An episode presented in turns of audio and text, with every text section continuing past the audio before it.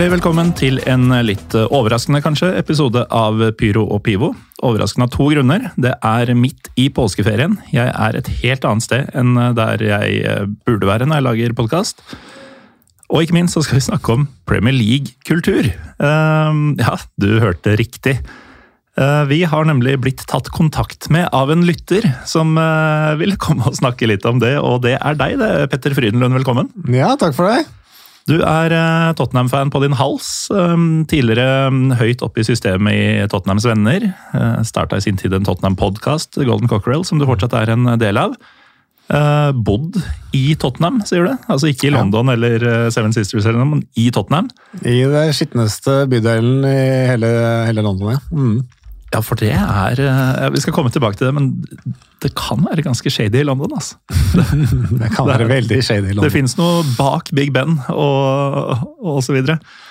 Uh, men uh, vi kan jo snakke litt uh, med deg først, da. Um, kan jo egentlig starte med navnet ditt. fordi Da jeg skulle ha, kjøpe inn drikke til studio i dag, så catcha jeg ikke før etterpå at uh, det, det, ga jo mening. For jeg hadde um, en som heter Even Bråstad, uh, italiensk fotballentusiast.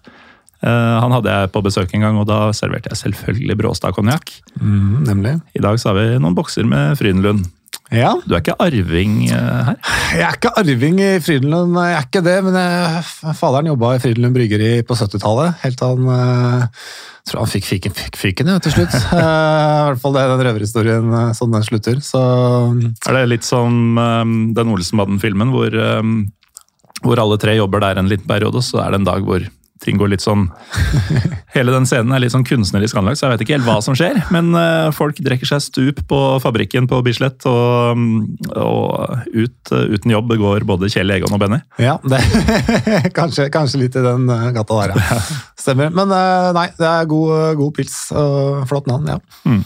Men altså, før vi skal dyp, dykke ordentlig ned i Tottenham og kan jo si at Noe av grunnen til at du kontakt er, tok kontakt, er at um, Uh, som du selv sa, eh, Premier League er jo nesten et skjellsord i denne podkasten. Mm. Og mye av det er jo med rette, men det fins jo kultur eh, også på øverste nivå i, i, England, og det er det vi skal snakke om i dag. da. Men det fins også kultur på Torshov, eller på, på Store og Grefsen, da. Ja. Uh, hvis man skal mm -hmm. gå stadionmessig til verks. Du er også Skeid-fan? Det er jeg. Ja da. Jeg har mhm. vokst opp på Torshov. Spilt i Skeid fra jeg var guttunge. Uh, så er jeg jo født akkurat sånn at uh, når jeg begynte å gå på norsk fotball, så var jo Skeid beste Oslo-klubb. Mm. Uh, han høres ut som jeg er jævlig gammel når jeg sier det, men, uh, men det var et lite år der i 96 hvor Skeid, eh, Skeid var eh, faktisk mener at Skeid lå likt med Lillestrøm jeg, på andreplass uh, det var tidlig sommeren, i. Ja. Fram til sommerferien i 96. Mm. Uh, og så ble liksom Eneløy og flere av de andre gutta sendt på landslagssamlinger og fant ut hva, hva de tjente i andre klubber. Og da, mm. da begynte det å ulme litt i, i skjæreren. Men uh, så tror jeg det var 97, så var vel Skeid eneste Oslo-klubben oppe. Så jeg, mm. så jeg vokste opp med Ja, det er faktisk ikke sant? Lyn var med den sesongen. Riktig, riktig. Så du hadde en sesong her hvor altså 96 så var Skeid best i byen fordi Vålinga havna godt bak på tabellen, kan vi si. Ja. Eh, for de som ikke husker det, så ble det nedrykk på Vålinga det året. Eh, samme året som Lyn rykka opp fra førstedivisjon. Mm. Så du hadde altså en sesong i 97 hvor du hadde Skeid og Lyn oh. i Tippeligaen, mens Vålinga lå i divisjonen under. Ja. Er nesten for godt til å være sant. Sånn trodde jeg det skulle være, selvfølgelig, på den tida der. Men mm. det ja, kom jo greit ned på jorda sånn etter hvert. uh, skal jeg innrømme det. Men uh, det har vært mye Skeid her de siste ukene. Altså, det er ikke så veldig lenge siden uh, okseleder Olsen var her uh, og snakka om fotball i USA. Det gikk ikke så mm. mye om Skeid. Og så hadde jeg jo daglig leder Daniel Strand her i forrige uke. Uh, den har ikke kommet ut ennå når du sitter her, så dette var kanskje litt overraskende. Ja, ja. Um, og så er det deg, da. Så det er jo tre, tre forskjellige Skeid-folk på en seks-sju uker. Det, det er skeivt. Det er skeiv fordeling, men det er, det er fint da, at vi klarer å gjøre litt, litt ut av oss. Uh, han har jo vært flink til det, han Daniel, og klarer å skape litt, skape litt mm. og lage litt moro på Twitter og hisse på seg noen folk. og Det er på en måte en god strategi da, hvis du skal klare å, å gjøre en klubb relevant. Mm. Og, og Skeid trenger jo litt drahjelp der. fordi Tilskuersida er vi jo dessverre langt bak. og det er vanskelig å se helt hvor man skal liksom mm. ta igjen eh, Hvordan man skal ta igjen ja, klubber som Vålerenga og Lillestrøm på den fronten der. Da. For en gang i tida så hadde jo Skeid eh, Skeid har jo hatt kamper med over 30 000 tilskuere på Mm. gamle Bislett. Så det har jo vært der et sted, men så har det jo forsvunnet på veien, da. Ja. ja, For sånne tall da er du tilbake på sånn 50-60-tallet, tror jeg. Ja, Eh, stemmer. Veldig mange av tilskuerrekordene i Norge er fra den tida, og det er klubber du ikke ante eh, Mm. kunne trekke sånne tall, og det er jo tall du heller ikke har sett i moderne tid. Mm. Eh, lurer på hva, hva som foregikk eh, i de dager. Vi er for unge til å at det var ikke så mye som foregikk, eh, Morten. Det var, det var så mye annet å gjøre. Så, så det var liksom én ting som skjedde i Oslo den dagen, og det var kanskje at uh, Skeid møtte Mm. Fredrikstad. Da. Og da ble det en happening, mens i dag så er det så mye andre konkurrerende ting som gjør Ja. at uh, ja. Ja, Det var det ene laget som var bra, sikkert, og så var det ikke liksom to amerikanske, ett fransk og fire norske store band som skulle spille samme kvelden. Um, eller ja, restauranter og puber hadde man vel ikke, annet enn de der brune hjørnepubene. Sånn tror jeg det var i gamle dager, da. Ja. Men eh, nok om det. Um, altså, skal noen komme hit og snakke fra Tottenham-perspektiv da, om eh, de mange sidene ved dagens eh, engelske supporterkultur, og da den man finner i Premier League, og da også Champions League-sjiktet av Premier League, som Tottenham jo tross alt fortsatt er en del av, um, så er det vel ikke, ikke mange som er bedre egna enn deg.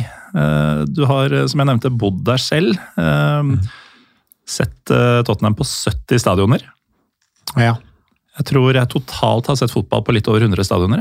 Mm, Og da er det ikke bare Lillestrøm eller bare Union Berlin, det er liksom alt av fotball. Ja. Det, det, det er jo en dedikasjon her. Ja, det er jo en kombinasjon av et ønske om å se Tottenham, eh, uansett hvor de er. Mm. Blanda selvfølgelig med den eh, nysgjerrigheten og ønsket om å, å se fotball flest mulig steder. Da. Eh, jeg syns jo det er moro å besøke ulike stadioner. Det var kanskje i England på en måte det starta med å reise rundt eh, og se mest mulig stadioner og sånn med Tottenham der. Eh, og bare det å flytte der borte nå, så er det jo kanskje 25 bortekamper eh, bare første sesongen, bare innenlands. Eh, så da kom man jo fort i gang. Og så var jeg også heldig med at det året jeg flytta dit første gang, var i 2006. Og Det var første året Tottenham var i Europa. Da hadde de ikke spilt Europacup på sju år, så da var det på en måte Og de var liksom på vei opp, altså litt, litt sånn som Westham er i dag, kanskje. Det var liksom positivitet og liksom på vei opp, og det Mm. var alle bortekamper i Europa, så kunne det være ja, mellom 5000 og 12 000 Tottenham-supportere som dro på kamp. Mm. Sånn at det var en sånn utrolig gjev ting, da. Og det var så Ja. Spesielt i kamp i Europa er jo det man husker best, og det har gitt mersmak. sånn at nå prøver jeg jo hver gang Tottenham blir trukket i Europa mot et, et sted jeg ikke har vært, så er jo det høyt eh, prioritert da, å prøve, prøve å få med seg det. Ja, For det er sånn det prioriteres nå. At uh, det er ikke det at 'å, fy faen, fett å møte Real Madrid', uh, men det er sånn Oi. eh, Kanskje dårlig, dårlig eh, eksempel nå, men Luhansk, der har jeg ikke vært før. Da blir det et dårlig eksempel nå, Ja, men Ja, utrolig. Men, eh, men det, det er liksom den eh, mekanismen, eh, bortsett fra at Luhansk ikke er eh, alternativet. Ja, ja, definitivt. Og da er det spiller det ikke noen rolle altså, da spiller det ikke noen rolle om det er eh, Champions League eller Europa League eller mm. Conference League. altså Da er nesten Conference League bedre. Ja, for der er det Eh, mange nye steder å dra. Det er morsommere, og det er flere trekninger jeg har lyst på der enn eh, enn det er i, eh, enn i Champions League. Mm. Enten fordi man har vært der, eller fordi det kanskje ikke er så, så fristende. Da. Så, men så, sånn sett har man vært heldig med Det er en fordel med å heie på Tottenham. Da, at de er ikke verdens beste lag, men de spiller jo stort sett alt i Europa. Da. Mm. Sånn at man har eh, mulighet til å kaste seg på de turene der. Ja, der er jo jeg altså Det kan godt hende at det har endra seg innen denne episoden er ute. For akkurat i kveld, eh, mens vi spiller inn, så, så spiller Molde mot Godset i den norske cupen. Hvis Godset taper den, så er Lillestrøm i Europa nå til sommeren. Pga. fjerdeplassen i fjor. Eh, For da er det bare lag som har havna foran igjen i cupen. Så jeg er jo ikke bortskjemt med dette her. eh, Og ser veldig fram til eventuelt å kunne, kunne oppleve dette i, i sommer. Men eh, er det sånn at du er jo heldig, som du sier, med at det, de er ofte, altså som oftest i Europa. Men eh, altså blir du bortskjemt? Blir du bl- blasert? Eller er det like fett uh, hver gang? Eh, litt plassert kan- blir man sikkert, eh, og noen blir nok mer Det er litt sånn hva slags type person man tror jeg. Fordi noen jeg hører jo andre Tottenham-sportere mene at det er liksom, hvis ikke for Champions League, så er det nesten ikke vits å spille i Europa. At Mm. det bare er en sånn bedre å bli nummer sju enn nummer seks. Altså, der er jeg helt uenig. Jeg syns jo det er gøy, eh, og spesielt med den reisinga som gjør det Mm. ekstra, ekstra kult. Så, men det er klart at eh, det skal mye til for å slå den følelsen som jeg husker jeg hadde. Det var Praha, Slavia Praha borte der i høsten 2006. og det der å være på flyplassen og på vei dit og gå fra jobb dagen før. og Den følelsen der, den er vanskelig. Jeg tror, altså jeg var på Champions League-finalen. Ja. jeg- sånn Følelsen på vei til kamp tror jeg var like rå i første runde i FA-cupen mot Slavia Praha. For det, det, er, ja, det, Mm. det er noe med så, så jo, man blir dessverre litt plassert, selv om jeg prøver å ikke bli det. Ja. Ja, men Jeg merker det sjøl. Altså, jeg har for eksempel vært en del på både Fenerbahçe og Union Berlin-kamper, som er mine favorittlag i, i utlandet. og eh, Nå er det lenge siden sist Fenerbahçe, da, mest politiske årsaker. Men eh, eh, jeg merker at eh, selv om det fortsatt er dritfett å dra på Union Berlin, så er det altså den følelsen jeg hadde første gangen jeg skjønte at dette var en spesiell greie for meg, og ikke minst eh, den gangen jeg var med på opprykkskampen og sånn. Det har vært vanskelig å toppe det siden. Mm. Eh, litt sånn uansett hva som foregår. Jeg var jo på et fullsatt eh, hovedstadsderby nå i november. Eh, og det var jo kjempe Altså, stor stas. Men det var også sånn Her har jeg vært før. Og tilsvarende trøkk har jeg opplevd før. Ja. Og ja, seier her har jeg opplevd Altså, det var litt sånn eh, Det var fett, men det var også eh, velkjent, på en måte. Mm. Så jeg tror det er noe i det at når du begir deg ut i noe nytt, uh, så er det automatisk mer spennende. Og det er et lille elementet av fare som jeg er glad i å snakke om uh, noen Ja. ganger. Ja. Ikke at man håper at man skal bli banka opp, eller noe sånt, men at man ikke veit helt hva man har å deale med. Den får man jo kjenne på i Europa noen ganger. Det tror jeg på. Og uh, ja, det er jo 17 land du har sett Tottenham i. Mm. er det, da inkluderer vi England, regner jeg med? Vi har inkludert England, ja. Ja, Mm. Så 16 andre, da. Og um, jeg skjønner jo at uh, når man skal snakke om den virkelige kulturen, um, også på tribunene, da, fordi det finnes jo utrolig mye kultur i England fortsatt på pubene og i gatene og sånn. Det er, så er det jo den der klisjeen med at uh, The Working Man har blitt prisa ut av sitt eget stadion av uh, sånne som deg og meg, Ja. og koreanere og japanere og svensker og hva det skal være. Eh, og det er jo selvfølgelig en sannhet med modifikasjoner, men uh, bortesupporteren i Premier League Mm. Minner vel i mye større grad om den gamle engelske supporteren eh, som våre foreldre og til dels vi også vokste opp med.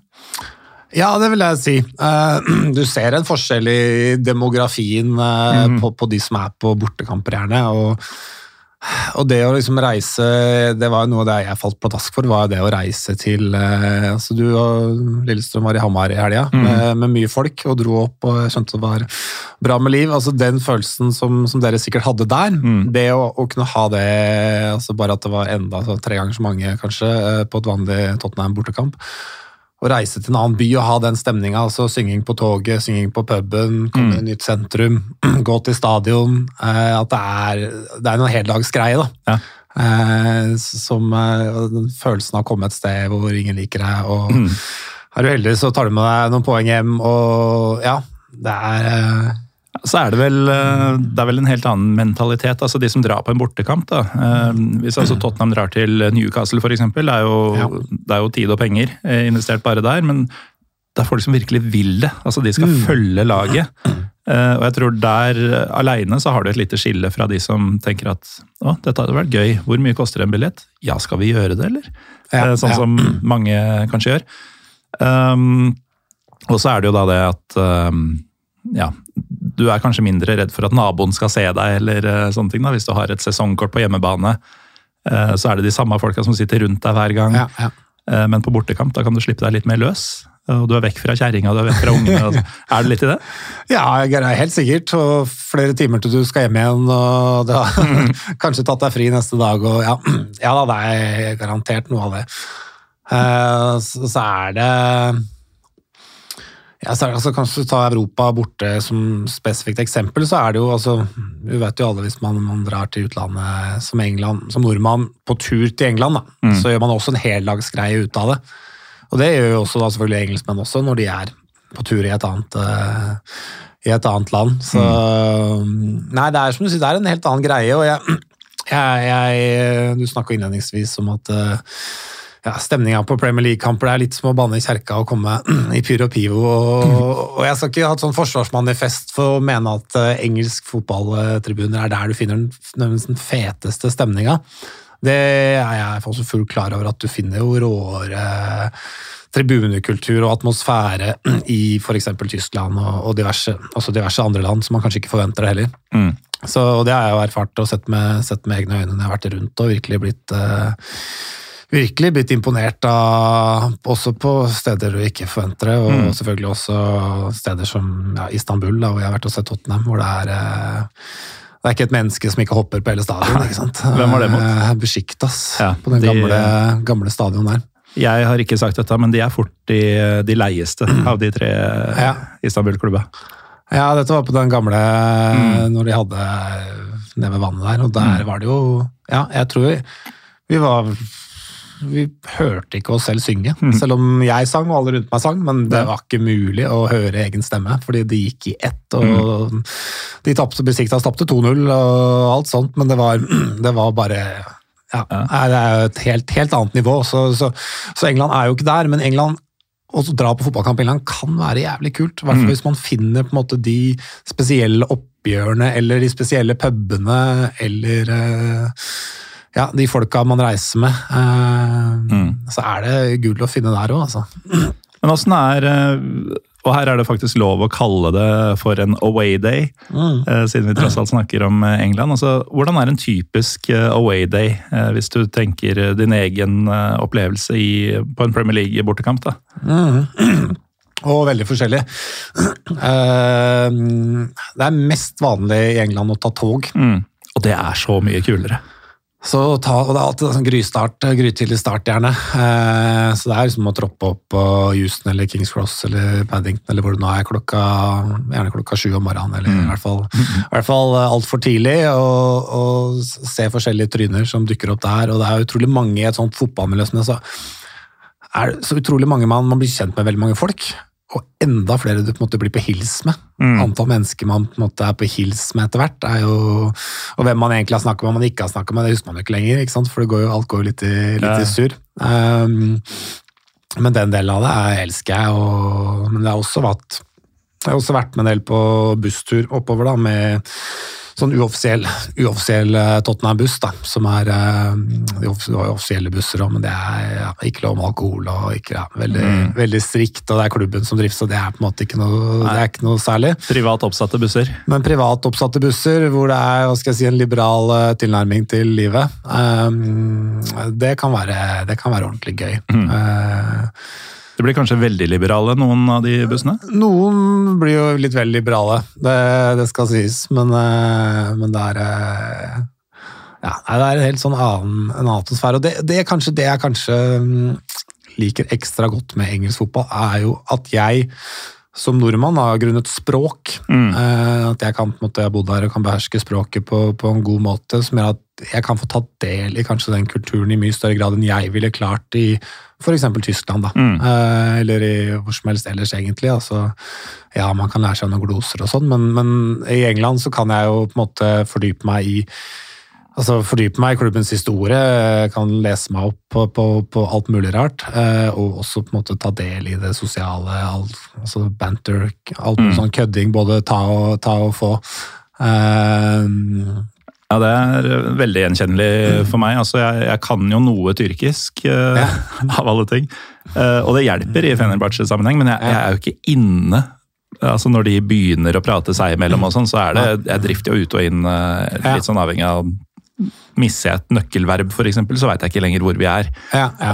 Um, og i Union Berlin så kjenner jeg jo fortsatt ingen, egentlig, selv om jeg har vært der ja begynner å bli en del ganger. Eh, fordi, eh, og det er litt sånn spesiell klubb også, de skal verne veldig om seg sjøl og sin egen kultur. og sånn, ja. Så kommer du der utenfra og begynner å snakke engelsk, så er det nesten sånn første spørsmålet Are you a member?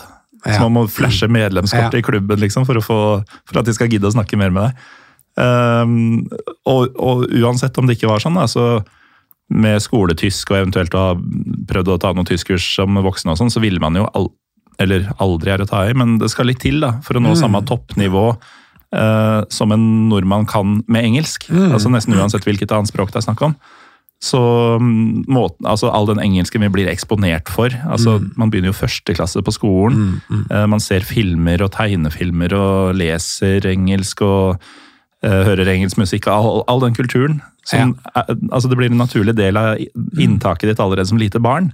Mm. Um, det er det jo ingen andre fremmedspråk uh, du kan si om da, for en Nei. nordmann. Så um, du har jo nesten uansett hva du er interessert i, så har du en større sjanse for å få det innpasset du snakker om i England, enn noe annet sted. Ja, du kan det, og, og, og det mener jeg også er en sånn misforståelse som jeg hører en del nordmenn si at eh, at ja, men engelskmenn de er drittlei av nordmenn på kamp.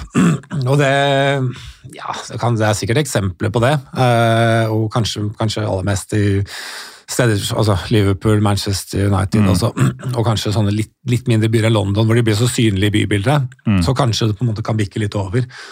Men min erfaring med det i, i og Tottenham er forstått også en stor klubb med mye turister på kamper, for all del.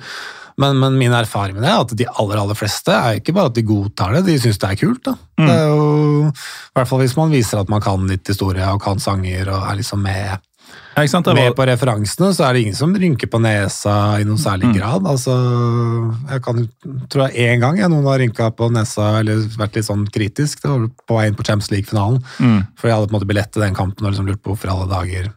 Det er vel det eneste gangen jeg kan huske. Ellers er det på en måte at det er jo at de syns det er kult da, å lure på hvorfor. og på samme måte som altså, kommer en tysker på Åråsen, så syns jo de fleste Lillestrøm-supportere at det er kult. ja, Eh, så kan du være uheldig å møte på en eller annen dust som sier noe annet, men de, mm, ja, Ja. oppfatning er at det er eh, mm. Men det, det har nok litt å si eh, også mm, altså, hva du bringer til bordet, da.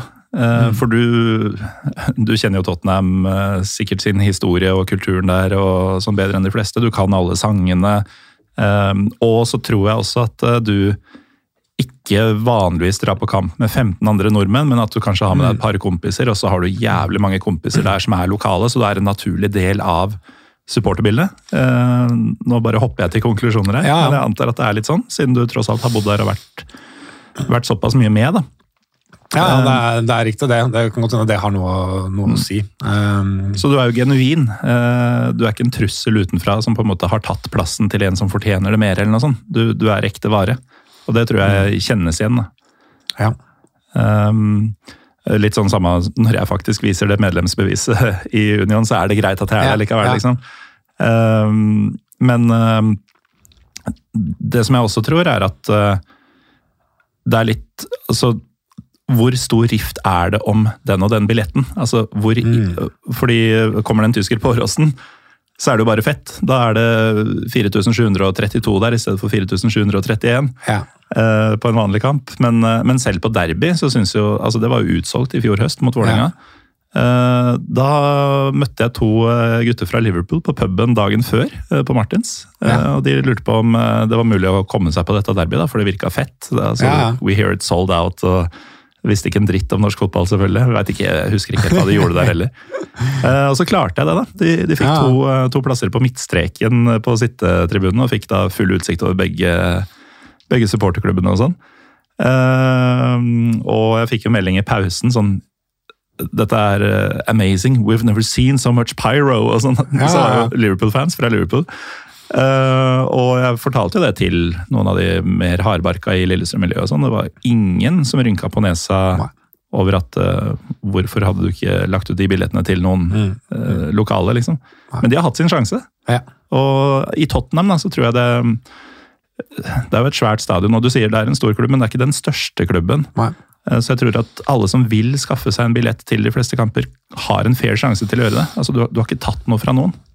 Nei, nei og med unntak av Champions League-finale var jo da et godt, godt mm. eksempel på det motsatte. og Der, der kan jeg jo forstå det. altså hvis du, hvis du reiser dit og du vet at broren din ikke har fått billett, og kompisene dine ikke har fått billett, og faren din som har tatt deg med på kamp, kanskje ikke har fått billett altså, Kommer Så hører du to oljepenger nordmenn som og- står og prater, så, så skjønner jeg jo det. Eh, Men det var ikke noe lang forklaring som trengtes før det på en måte var greit. Uh, Så jeg er sesongkortholdere og, og sånne ting, så den var, da var det på en måte da var det ok. Mm. Så, så nei, det er det som jeg Det, det med språk der er, eh, er viktig, eller i hvert fall har vært viktig for meg. da. Mm bare det å Ja, være Leeds nå i vinterferien, og da kan jeg jo Det er det som er kult med liksom, For å ta det som jeg liker med engelsk fotball, er jo at det er det er jo plusser og minuser med det, men at det er såpass uorganisert supporterkultur at hvem som helst kan jo også dra i gang Jeg kan fint mm. dra i gang sanger på et bortefelt, da. Ja. Eh, og så går det tre sekunder, og så synger alle med. Mm.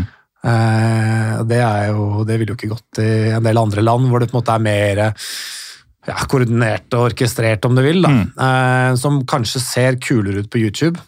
Eh, men å være en del av av den supportergreia hvor ting responderes på det som skjer på banen, eh, den humoren som kan dukke opp av og til. Altså det, jeg er veldig glad i, glad i den. Mm. Jeg har jo sett Tottenham f.eks. mot Dortmund.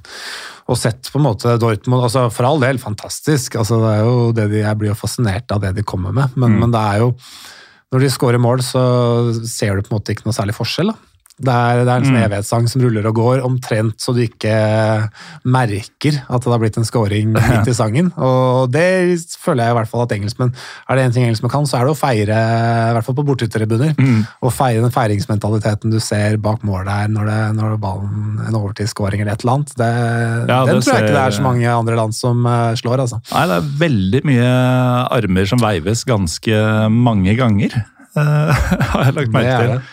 Um, men altså, jeg eh, henger meg jo litt opp i at du har vært i så mange mm, land og sett uh, europeiske kamper. Mm.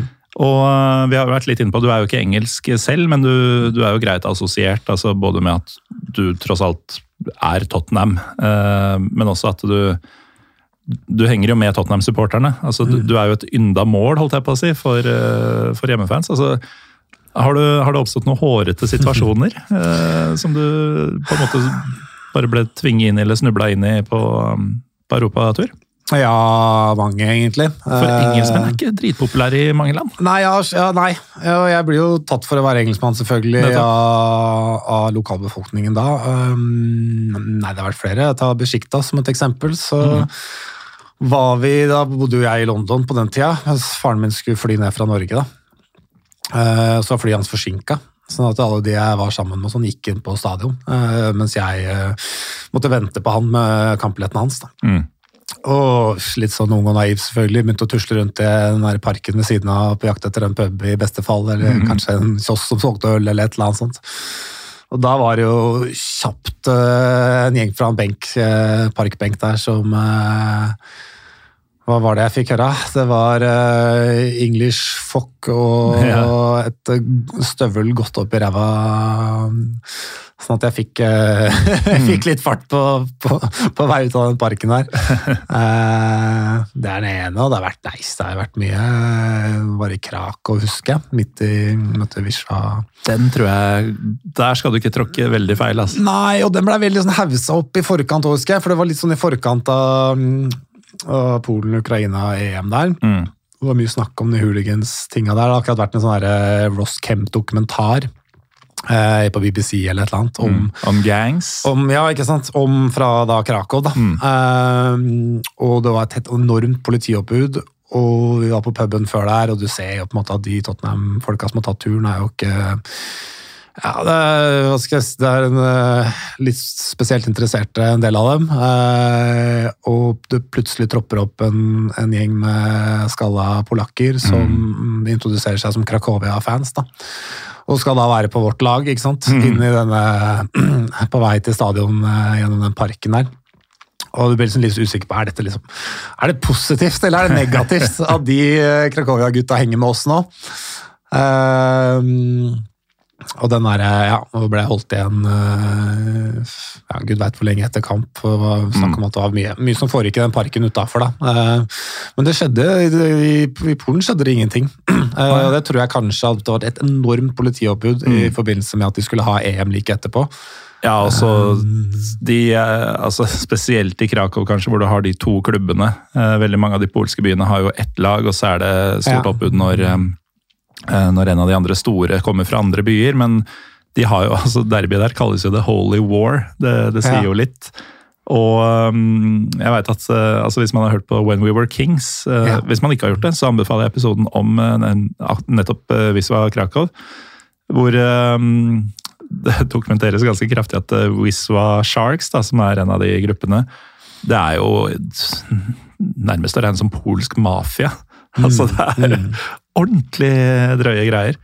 Og det er vel i den Danny Dyer-serien eh, Real Football Factories, Mm. hvor han besøker Polen. Husker ikke hvilken klubb det var, men det sitter en fyr i finlandshette og sier when the, um, when the English hooligans drink, we train martial arts. Ja, eller noe ja. sånt. Så de, de mener alvor.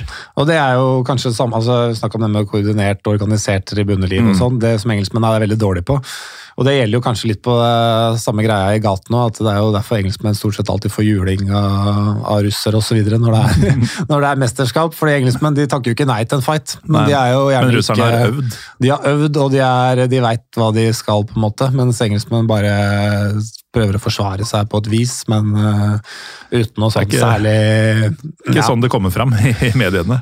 Nei, Da er det britene sin skyld. ja, og det har jeg jo sett masse eksempler på at, eh, at det gjerne ikke er. Altså, øh, det har vært, Tottenham spesielt har jo vært litt sånn utsatt for øh, på grunn av det jødestempelet, Mm. jids-greiene, som gjør at øh, det har tiltrukket seg en del nynazister som har gått til angrep på Tottenham-fans i Europa. Det har Mm. skjedd både i skulle sett mot Lazio?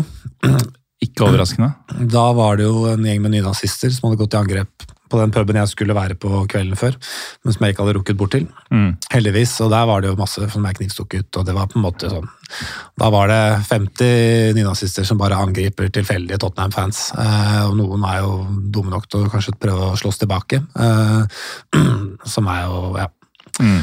Så både der, i Lyon har det samme skjedd, i Dortmund da kom det en bikergjeng med altså sånne der høyreekstreme bikere, som egentlig ikke var fotballsporten engang, men som bare hadde bare hørt om der jødegreiene. Høyreekstreme bikere som har hørt at det er noen jøder i byen, liksom. Ja, Feinor har gjort det samme med angrepet Mm. Tottenham-fans i, i Amsterdam. På, Ja. Sånn at det har jo De har jo eh, altså egne rop om å gasse jøder og sånn. Eh, fordi Ajax også har jo det jødestempelet som, Ja. som Tottenham har. ja. Så, så du har fått en del sånne ting som kan, som kan være litt guffent. Mm. Uh, I tillegg så er jo politiet en vel så Noen steder så er det jo hva skal jeg si, nesten mest eh, redd jeg har vært, er jo når politiet har uh, På Sevilla, noe av det verste jeg har sett Mm. uh, før en kamp der. Det er altså politi som går løs på folk i rullestol, altså. Og helt sånn uprovosert. Mm. Og da var ikke, i det eksempelet her, så var det jo ikke nesten ingen som tok en engang, men du på en måte bare blir bestemt at nå Mm. går inn med batonger og tar eh, Og Sevilla og, og Fra eh, Spania er jo um, Det regner man jo liksom som et sivilisert eh, vestlig land. Ja. At eh, der, der skal det jo være litt eh, altså Spania kanskje ikke, og kanskje, i hvert fall ikke Andalusia, men eh, som det mest ordna vestlige EU-landet. Men du skulle jo tro at de holdt seg litt i skinnet. Altså, de vet hva de driver med. Så er det nok en sånn misforståelse kanskje blant eh, politistyrkene der òg, om at når engelskmenn kommer, så er det bare hooligans og bare Mm. folk som vil lage bråk. Og, det er jo De færreste er jo det. Eh, De, de fleste har jo bare lyst til å drikke øl og kose seg og ha det gøy. Mm. Så, så det er jo noen ganger står litt i kontrast noen ganger, det politioppbudet der. og skal man- et annet sted jeg kan fortelle om som kanskje overrasker deg mer, er uh, Nijmegen. Ja vel. Hvor eh, det åpenbart fantes en sånn eh, privat politistyrke. Som ikke på en måte er det offisielle politiet, men en eller annen Securitas eller altså. Sånn vigilante-gruppe, liksom. Ja, ja, eller et eller annet som i hvert fall kom med noen sånn annen type vester som ikke var politi, eh, men noe nivå under, eller jeg faen jeg. Som Mm. også kommer med batonger inn på en pub, da. Og på en måte omringer den puben. Og gjerne venter kanskje på at én Så er det kanskje én Tottenham-sport som er dum nok til å kaste et glass, eller noe sånt, ikke sant? og da fyker hun på, Mm. på alle. Og da eh, så jeg til og med at han nederlenderen som eide den irske puben, kom ut med henda i været og prøvde å Mm. signalisere at uh, stopp. Det bare Men de, er de har løst Mm. på han med den batongen. Altså. Ja. Og det å se Ja, jeg har, jeg har blitt litt Jeg har nok vært litt naiv eh, for etter å ha sett et par av de Mm. politistyrkene i andre land. Det er faen ikke pent, altså. Nei. Men det, det med å holdt på å si, bli angrepet på pub, um, og apropos naive mennesker um, Jeg og min, uh, det som nå er min eks, mm. vi var i Zürich for en del år tilbake. Og da klarte jeg å trumfe gjennom da at uh, um, Grashopper spiller mot uh, Thon. Vi drar på det som mer eller mindre er nasjonalstadionet Letzigrund. Det Høres hyggelig ut, det. Ja, og, og det er bikkjekaldt der er i november, eller noe sånt, og så, og så er det 4000 tilskuere, og det blir 1-1 eller noe sånt. Altså, totalt ufarlig i utgangspunktet. Ja. Og så er det sånn at eh, Grunnen til at vi var der, var at hennes søster bor i byen. da. Så hun og mannen skulle komme og hente oss. Eh, Så er det en pub rett over gata. Vi går der og venter. Og så bestiller jeg en eh, pils, og vi, det er bare altså det, det er ingenting som skjer da. Helt til alt skjer. For da kommer da flere av folka som vi hadde sett på tribunen, eh, som hadde prøvd å skape liv blant de få som hadde møtt opp. Eh, han med megafonen og liksom han ene med, med Stone Island-jakka. og liksom folk, vi, folk vi kjente igjen fra, fra stadion. eh, kommer stormende inn og roper et eller annet som vi ikke får med oss til bartenderen, som umiddelbart iverksetter prosedyren. Eh, Så da kommer gitteret ned foran både dører og, og vinduer, og sånn, og da viser det seg at det er FC Zürich, Ja. som på den tida tror jeg var i divisjonen under, til og med. De har eh, mobilisert da, i gatene og Ja. hadde i dem på vei ut av stadion. Så um, vi, vi må jo bare spørre litt sånn, hva, hva er det som foregår her, liksom? Ja. Nei, nei, det er hundrevis av uh, hooligans utafor her som skal ta oss. Um, og da Litt av en kjærestetur, da. Ja, det, det var hyggelig, det. Altså, det slutt fikk, fikk jo tid til en øl til, for å si det Ja. sånn, før vi kunne gå ut. Og da, når du trekker opp gitteret, så er vi litt sånn herre Hva veit dere egentlig om situasjonen? Ja, ja, ja. Men da var det jo snudd overalt, da. Ja. Eh, og det var over. Men uh, det var plutselig veldig mye svartkledde folk som vi ikke hadde sett tidligere, som var i nærområdet. Ja, ja. Så mm, det, altså, Zürich? Altså, ja, nei, man forventer jo ikke det er svindyrt og sånn finansiell høyborg i Europa. liksom. Det, er, det er ikke der du ser for deg de verste trefningene, og heller ikke i Nijmegen. Nei, men nei, eh, her er vi. Europa er ikke som man tror. Nei, det er mørke, mørke bakgater overalt, altså. Mm. Men du har- på sånn pub eh, hadde en annen var på Det var ikke med Tottenham, men det var bortekamp eh, for, Luton sin del. Det var Crystal Palace Luton, og vi kjøpte billett med Luton-fansen. da. Eh, Og der var det også først inne på stadion. Der kanskje, det ble jeg overraska, for det var kanskje den verste tribunevolden jeg har sett eh, inne på stadion. da. okay. Hvor det var en um, Var dette championship? One, Eh. Championship for tolv år siden, kanskje. Noe Mm. rundt der. Eh, og Luton jo, var jo relativt berykta, spesielt den gangen. da. Eh, og da var, var det vel en vakt, kanskje den største vakten jeg har sett i mitt liv, som hadde dytta til en Luton-supporter. Og da kom det liksom ja, Hvis den bortseksjonen hadde 1000 mann, så tror jeg 900 av dem var på vei ned til han vakta. altså. Eh, og så var vi på puben etterpå, utafor på bortepub. da. Og da gikk jeg for å pisse, som man gjør. Man gjør det på pub. Man gjør det ofte på pub. Mm. Eh, og når jeg da kommer ut, så Det var en stappfull pub, masse folk, og god stemning, det var veldig hyggelig. Og når jeg kommer ut av, ut av pizza, så er den puben Det er ikke et menneske igjen, bortsett fra mine to kompiser. Det er masse bare knust ølglass over hele gulvet, og de to står igjen som, som to spørsmålstegn og lurer på hva faen som skjedde. Og jeg Ja. Så, så det Skjer ting her og der. det skjer ting her og der. Eh, Men du har vel eh, gode minner også fra disse europaturene? Uh, hva, hva er de kuleste um, som du trekker frem? Altså, du nevnte denne Praha-turen, og du har nevnt uh, Champions League-finalen. Eh, men altså 16 forskjellige land utafor England, det, det må være en god del å velge blant? Ja, Um, masse Det rareste har vært sånn vært alt fra, liksom, alt fra Tromsø eh, til eh, preseason i New York. Eh, Tipper at preseason i New York, eh, i hvert fall kampen, var neppe det feteste minnet. det var ikke det feteste minnet. Skal vi, hvis vi skal inn på kampen, så er det vanskelig å komme utenfor, utenom semifinalen mot Ajax. da. Mm. Hvor eh, Tottenham ligger under eh, med tre mål. og Den Lucas Mora-kampen. hat trick av Lucas Mora i andre, i andre omgang, hvorav det siste avgjørende.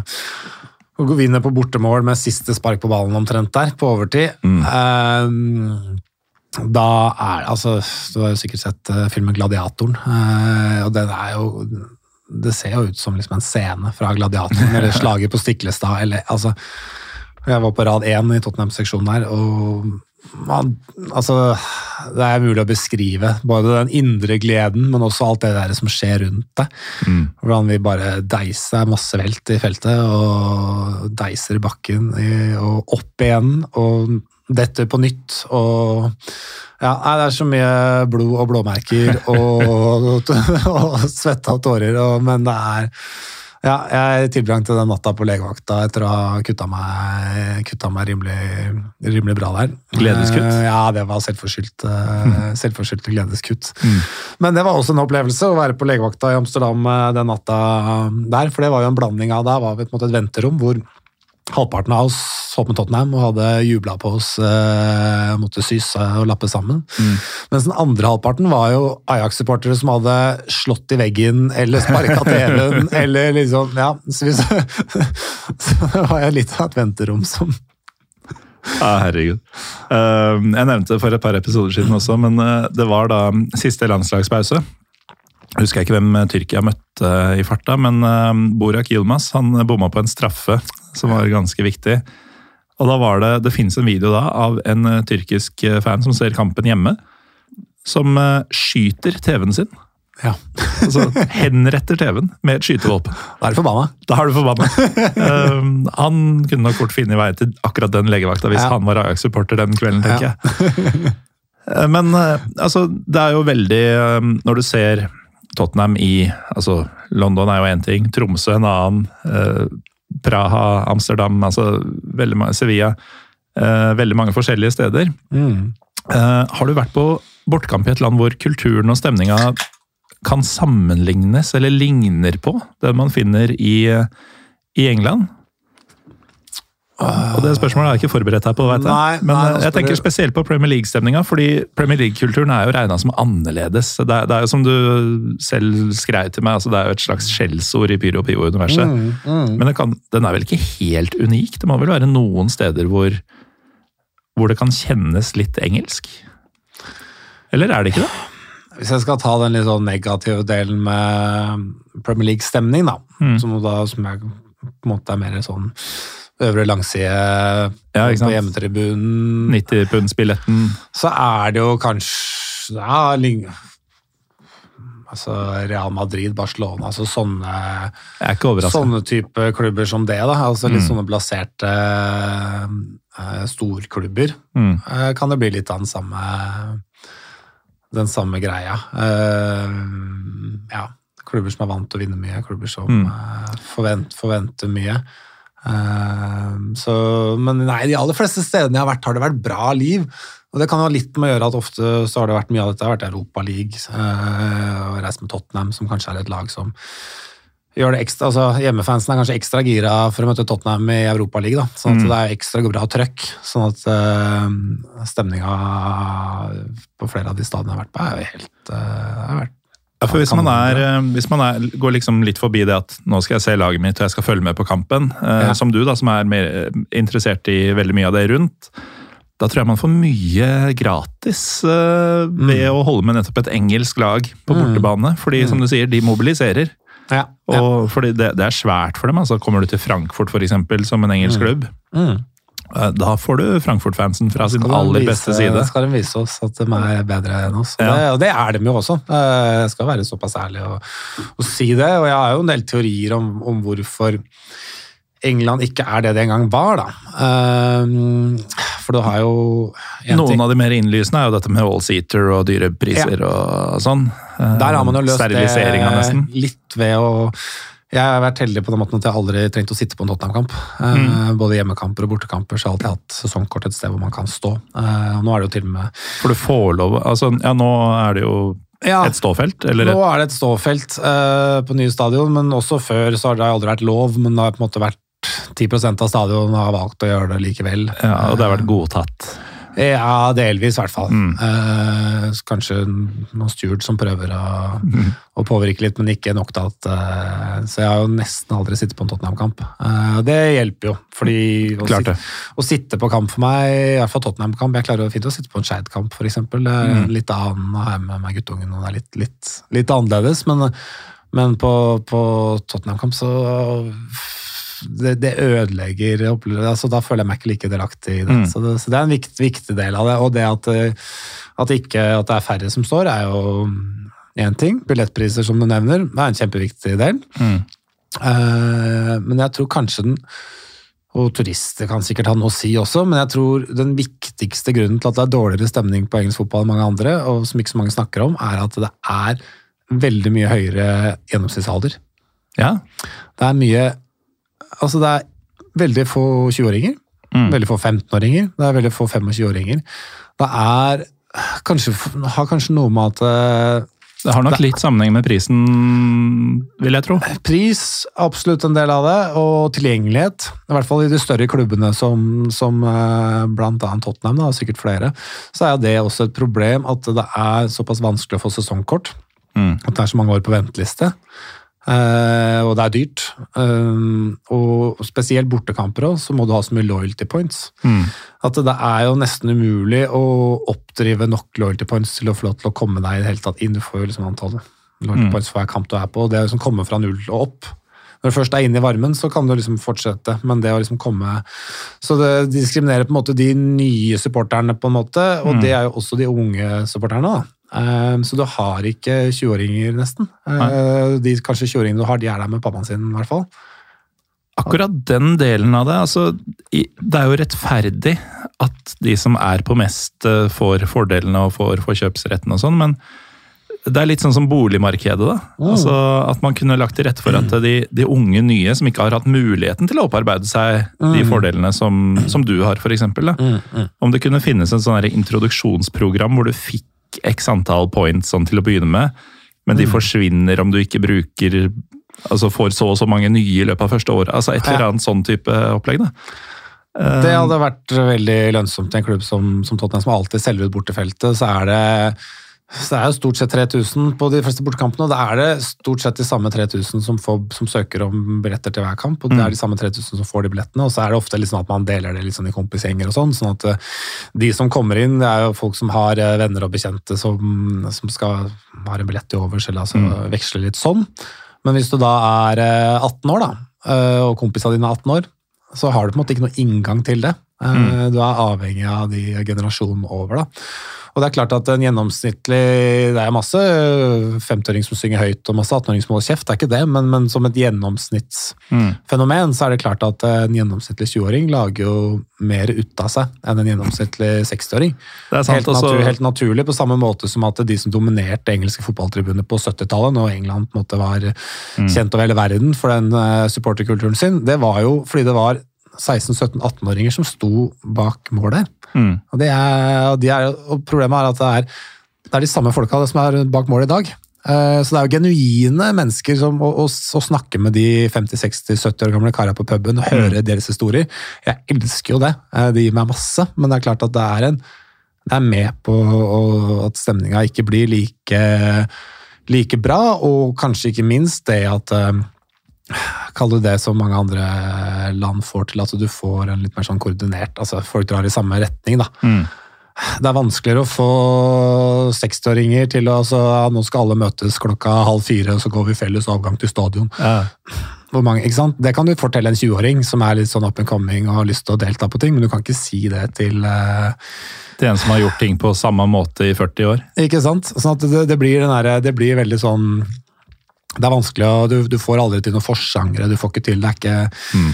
eh, som, som igjen gjør at eh, ja, det ikke blir eh, Men nå, nå er jo ikke det din klubb, og du har sikkert ikke sånn dyp kjennskap til det, men Crystal Palace har jo fått til en slags variant av det, da.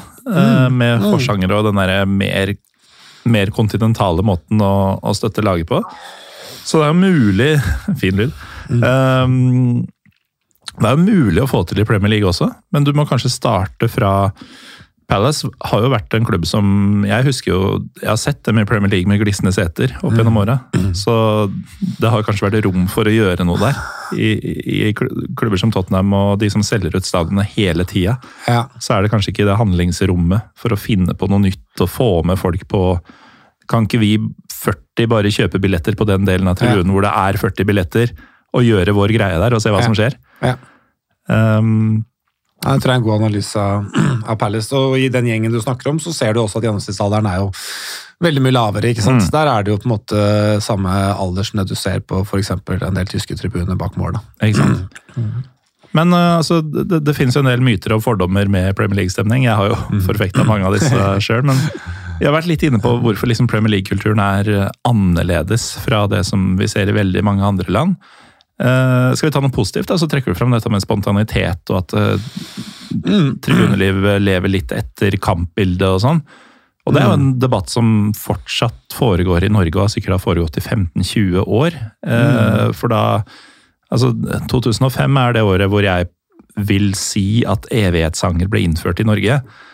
Uh, Som da er 17 år siden nå, da. Så kan det godt hende at noen mener at det kom noen tidligere. Men fra den gang så er det jo sånn Det er fortsatt en del klubber som fortsatt ikke har innført tromme, f.eks., eksempel, og som går for den derre 'dette dreper' eh, spontaniteten og, og det som du sa tidligere, at du er så glad i. da, At du kan føle kampen på en annen måte. At når det går til helvete, så kjenner du det på stemninga. Når det blir scoring, så kjenner du det virkelig. Ja. Eh, den situasjonen gjør at denne sangen bryter ut. Eh, og det er det jo mindre av i f.eks. Tyskland, som vi har nevnt eh, flere ganger, hvor det er veldig organisert. Og nå har vi starta denne sangen, da skal den gå i Ja. seks-sju minutter. Eh, I Norge så er det veldig altså De aller fleste har kommet mer over på den tyskaktige um, ja, søreuropeiske, om du vil, Mm. tribunekulturen. Noen er fortsatt veldig på den engelske, og noen prøver å mikse disse. Mm. Som jo ofte er løsninga på det meste, å finne en middelvei. Um, men men det, er- jo litt annerledes i Premier League, og, og på godt og vondt. altså Den spontaniteten er jævlig kul. Men jeg var jo f.eks. på Arsenal Fenerbahçe som bortesupporter Ja. i 2013. Og syntes jo det var ganske nitrist. Altså, vi, vi, eh, fe, vi, eh, vi på bortefeltet eh, Fenerbahçe hadde jo tapt hjemmekampen 3-0, dette var kamp to, så det var ikke snakk om å gå videre. Det er 0-0 i en halvtimes tid, og så skårer Aaron Ramsey, tror jeg der. Og da har jo vi eh, på bortefeltet holdt det gående den halvtimen. Ja. Eh, som de eneste på stadion. Ja. Og så skal plutselig 20 000 rundt oss reise seg og rope 'You're not singing anymore'. Som da blir den desidert høyeste sånn, lydtoppen i kampen. Ja, ja. Men det er jo holdt på å si spontanitetens bakside. da. Mm. Fordi du får med folk der og da, men de hadde jo ikke gjort en dritt på 30 minutter. Og så veit jeg at Arsenal er verre enn de aller aller fleste i Premier League. Det kan vi skåle for, Morten. Um, ja, Det var et resonnement som jeg ikke veit helt uh, hva, hvor starta og hvor jeg skulle med. Men, um, men jo, denne annerledesheten i Premier League-kulturen. Uh, og Premier League er veldig forskjellig fra f.eks. For League One, uh, Ja. av naturlige årsaker. Og du har egentlig dekka ganske godt uh, hvorfor det har blitt sånn.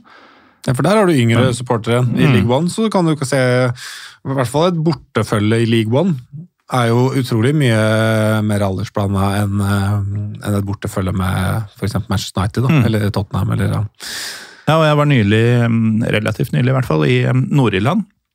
Ja. og så et par kamper der. og Jeg og Trym Hogner vi lagde jo en episode om det i ettertid, hvor vi nevnte at uh, dette må ha vært litt sånn som folk hadde det på engelske kamper før i tida.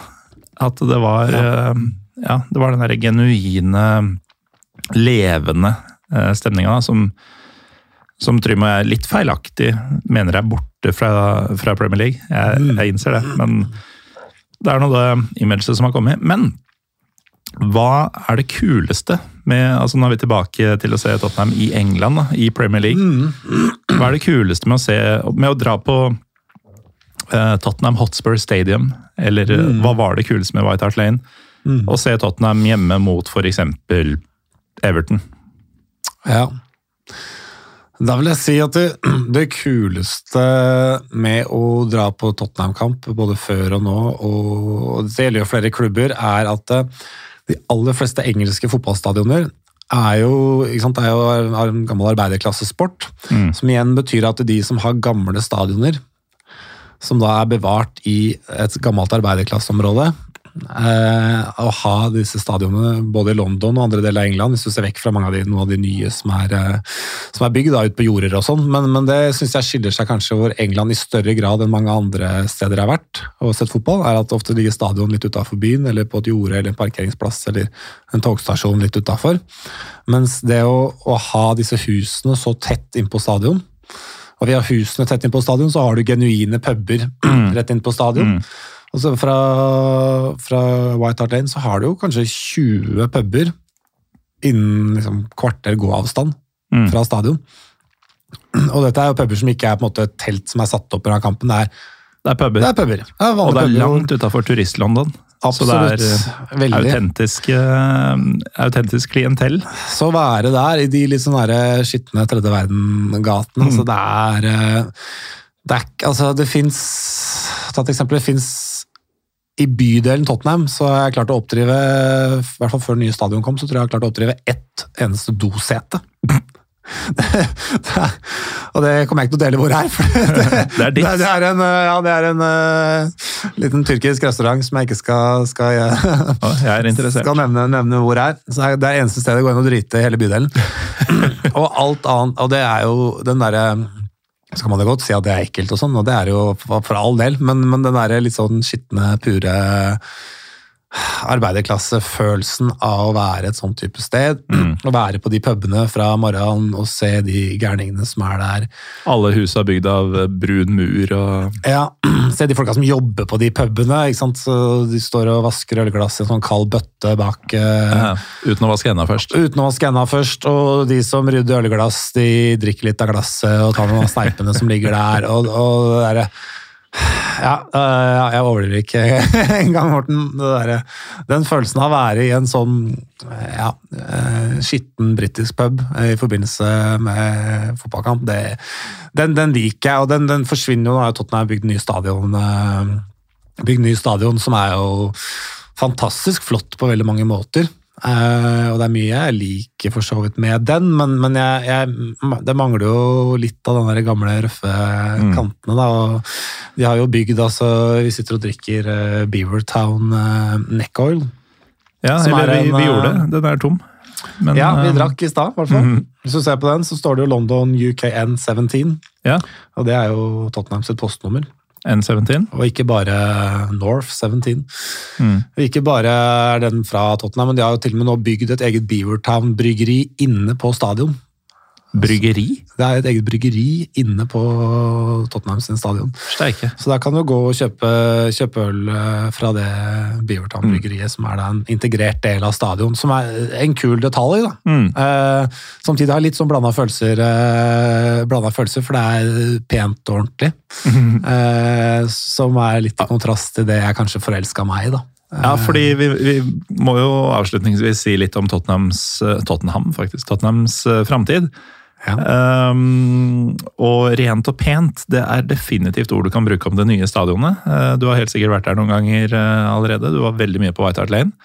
Åssen uh, oppleves altså, Føles det autentisk, ekte, genuint på det nye, prangende stadion? Eller? Både ja og nei, vil jeg si. Eh, Jeg har litt sånn blanda opplevelser fra det. Um, Vi hadde jo noen sesonger på Wembley som var helt sånn grusomt. Sånn, Ja, eh, fy ja. support fra et sånn supporterståsted. Eh, Det ble veldig vanna ut. Mm. Men så blir det jo litt sånn den som venter på noe godt. ja, Men hvor godt var det, var det du venta på? det Jeg syns de har gjort veldig mye riktig på det nye stadionet. De har bygd på en måte, de har skjønt at du skal ha tribunen tett på, på matta. Mm. De har skjønt at det skal være bratt på tribunen.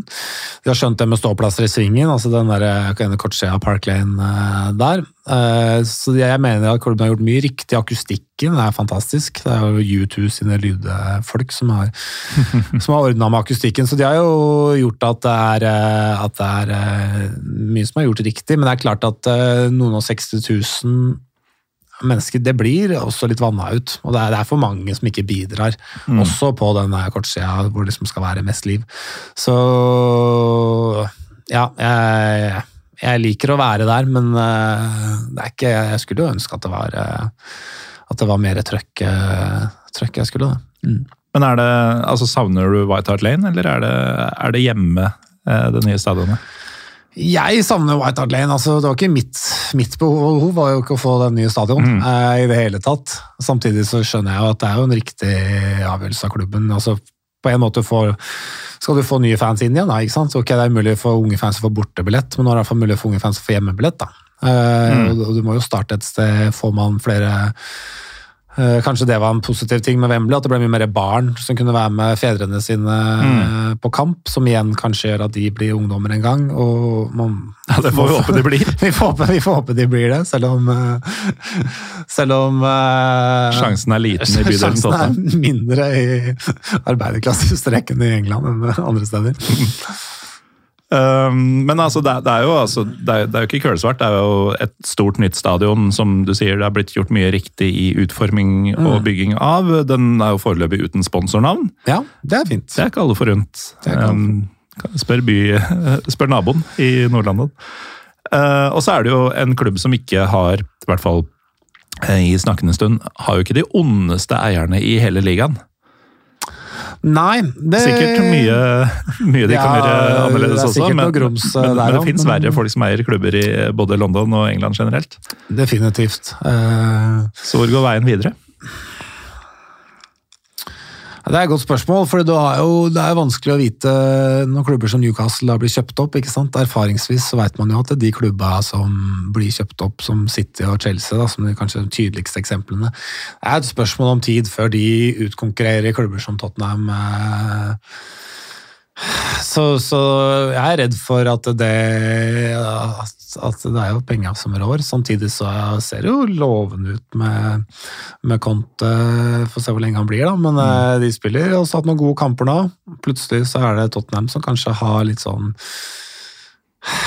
størst mulighet, eller i hvert fall veldig jevnt nå med Tottenham-Arsenal, om hvem som har, eh, tar den nære fjerdeplassen. Eh, Tottenham-Arsenal møtes jo i tredje siste serierunde på, på White Hart Lane, som jeg liker å si. da, Eller nye Tottenham Hotspur Stadium. Kommer du deg på den, eller? Er, jeg kommer meg på den. Mm. Det blir nydelig. Um, jeg tror vi skal runde av der, hvis du ikke føler du brenner inne med noe essensielt som ikke har kommet ut ennå, Petter. Nei, Jeg syns du har hatt en fin prat, jeg, Morten. Jeg syns det sjøl. Takk for at du inviterte, inviterte deg sjøl til, uh, til podkasten. Og jeg tror jo Altså, jeg uh, lurte jo litt på åssen dette skulle gå. Uh, fordi det, det er jo det å snakke om Tottenham og Premier League og, og tribunekultur samtidig i Pyro og Pivo, det er jo en, et rart Det er en, i utgangspunktet en dårlig idé. Ja. Men jeg tror egentlig vi har kommet bedre unna enn, vi, enn jeg hadde håpa på, i hvert fall. Eh, Så får vi håpe på at eh, lytterne mener det samme. Eh, uansett, takk til deg, Tottenham-entusiast Petter Frydenlund, som kan høres mer av i Golden Cockerel de gangene du er med. Det er ikke hver gang lenger. Har jeg skjønt? Nei, sånn er det når man får noen unger og får litt flere forpliktelser og sånn. Da må man prioritere litt, og da blir det jo reising og turer jeg setter høyest, da.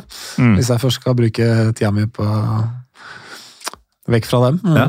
Og det, det er jo det Pyro Pivo handler om. Eh, reis vekk fra unge og se fotball. uh, takk også til deg som uh, hører på. Jeg heter Morten Gallosen. Vi er Pyro Pivopod på Twitter og Instagram. Jeg kan fortsatt ønske god påske, siden når du hører dette, i hvert fall hvis du hører den fersk, så er jeg på påskeferie selv. Jeg har i så fall akkurat vært på to eller tre kamper i Italia. Jeg er nå et sted i Frankrike og skal på både Saint-Étienne og Lyon i helga. Du har vært på Lyon, Petter. Ja, Bør jeg glede meg? det kan du glede deg til. Mm, jeg det. Jeg var der, så ble det overtidsseier til Tottenham. Så Ja, det jævlig kaldt, da. Det var eh, i februar. Så håper du er litt mer heldig med været enn jeg var. Inshallah. Eh, Det kan uansett hende at det blir en episode av denne fartinga. Eh, Vi høres forhåpentligvis uansett i neste episode.